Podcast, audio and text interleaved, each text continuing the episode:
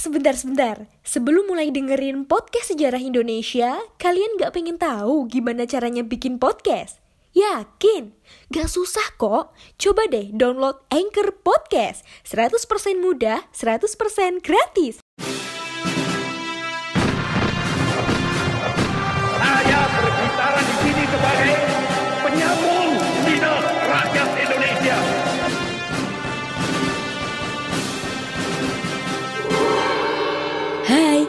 Kalian sedang mendengarkan Poseidon, podcast sejarah Indonesia.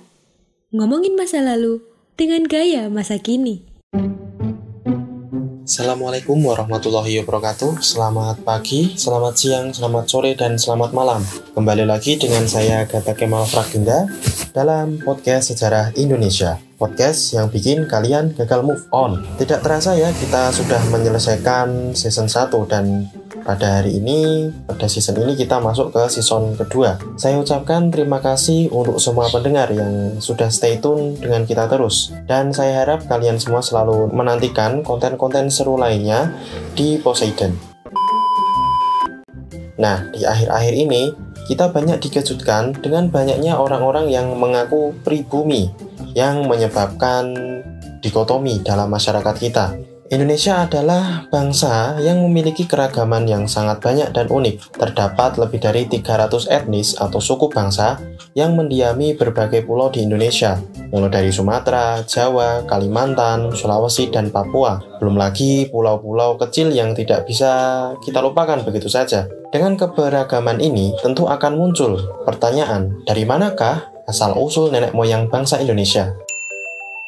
Teori asal-usul nenek moyang bangsa Indonesia biasanya akan didasarkan pada dua hal. Yang pertama adalah dasar atas kesamaan bentuk fisik, dan yang kedua adalah kesamaan dari akar bahasa yang digunakan. Sudah banyak ahli yang sejak lama memiliki pandangan yang berbeda akan hal ini. Tiap ahli juga memiliki alasan kuat yang mendasari teori yang mereka kemukakan. Tetapi, dalam catatan dan berbagai penemuan fosil manusia purba di Indonesia menyebutkan bahwa nenek moyang Indonesia sudah ada sejak 3000 tahun sebelum Masehi.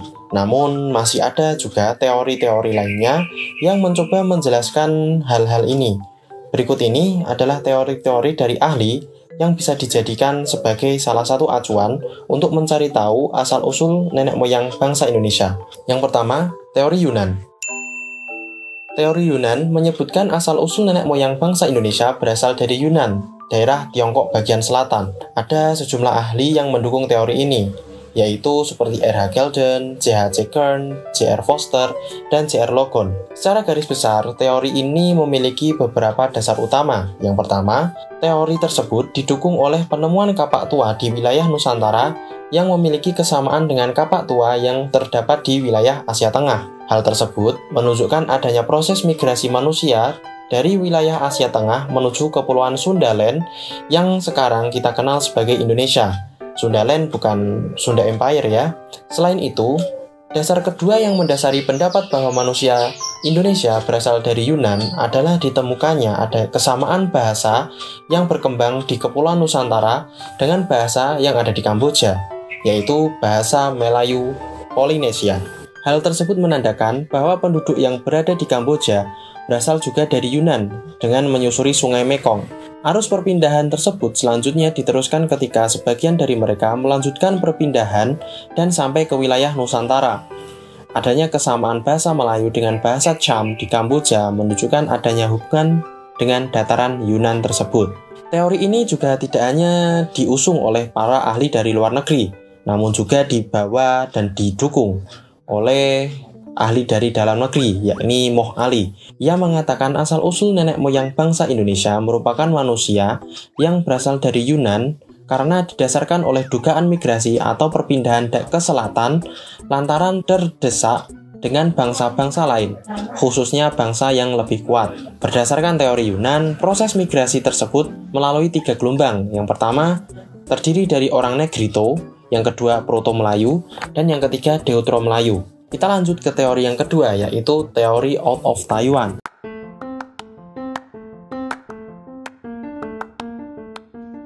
Halo Sobat Poseidon, kalian pasti sudah tidak asing lagi dengan Anchor. Yup, aplikasi penyedia jasa untuk para podcaster pemula dan juga pro.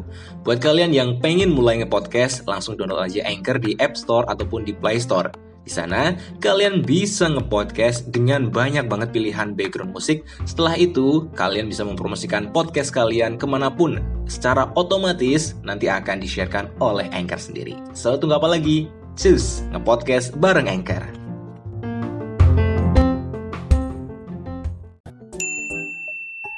Teori Out of Taiwan menyatakan bahwa asal-usul manusia Indonesia berasal dari Kepulauan Formosa atau Taiwan. Teori yang didukung oleh pakar yang bernama Harry Truman Simanjuntak, dalam teori ini menunjukkan bahwa adanya pola genetika yang sama antara kromosom manusia Indonesia dengan manusia yang berada di Taiwan. Lalu, menurut teori ini, bahasa yang digunakan dan berkembang di wilayah Nusantara adalah bahasa yang sama rumpunnya dengan rumpun Austronesia. Bahasa rumpun Austronesia ini digunakan oleh leluhur bangsa Indonesia yang menetap di Pulau Formosa. Kita lanjut ke teori yang ketiga yaitu teori out of Taiwan.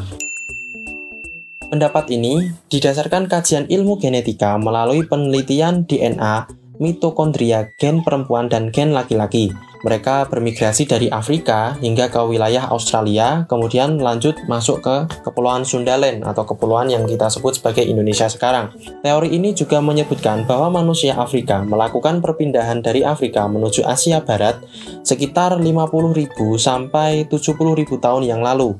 Dalam teori ini disebutkan bahwa 7000 tahun yang lalu bumi memasuki akhir dari zaman glasial ketika permukaan air laut menjadi lebih dangkal disebabkan oleh air yang masih berbentuk gletser. Pada masa itu, memungkinkan manusia menyeberangi lautan hanya dengan menggunakan perahu yang masih sangat sederhana. Manusia Afrika yang melakukan perpindahan menuju Asia terpecah menjadi beberapa kelompok. Terdapat kelompok yang tinggal sementara di wilayah Timur Tengah, dan ada juga kelompok yang bermigrasi sampai ke semenanjung Arab menuju India, Asia Timur, Indonesia sampai ke Australia. Hal tersebut diperkuat dengan penemuan fosil laki-laki di wilayah Danau Mungo ada dua jalur migrasi yang diperkirakan ditempuh manusia pada masa itu, yakni jalur menuju lembah Sungai Nil yang melintasi semenanjung Sinai, kemudian ke utara melewati Arab Levant, dan jalur menuju Laut Merah.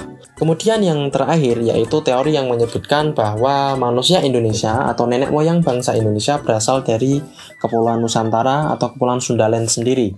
Nah, ini teori Nusantara. Teori Nusantara ini sangat berbeda dengan teori Yunan, teori out of Afrika, dan teori out of Taiwan. Dalam teori Nusantara disebutkan bahwa manusia Indonesia berasal dari bangsa Indonesia itu sendiri, bukan melalui proses migrasi dan daerah lain. Teori Nusantara didukung oleh Mohyamin, J. Sultan Takdir Ali Syahbana, dan Goris Keraf. Dasar teori Nusantara ini mencakup beberapa hal. Pertama, teori Nusantara didasarkan pada bangsa Melayu yang merupakan bangsa yang sudah memiliki peradaban yang sangat tinggi dan canggih.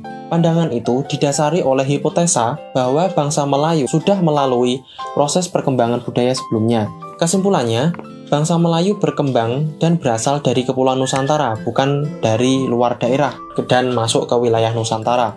Lalu, teori ini juga didukung dengan adanya kesamaan antara bahasa Melayu dengan bahasa Kamboja yang dinilai merupakan suatu kebetulan. Lalu, penemuan Homo soloensis dan Homo wajakensis di Pulau Jawa juga memberikan tanda bahwa ada peluang bangsa Melayu keturunan manusia kuno juga berasal dari Jawa. Dan argumen terakhir ini didasari dengan adanya perbedaan bahasa, yaitu tampak dari bahasa Austronesia yang berkembang di daerah Nusantara dengan bahasa yang berkembang di wilayah Asia Tengah, yaitu bahasa Indo-Eropa. Nah, itu tadi beberapa teori mengenai asal-usul nenek moyang bangsa Indonesia. Yang pasti semua teori memiliki bukti untuk menguatkan pendapatnya. Dan semoga setelah kita sudah membahas mengenai hal ini, kita akan semakin bijak mengenai masalah pribumi-pribumi-pribumi yang sangat ribut akhir-akhir ini.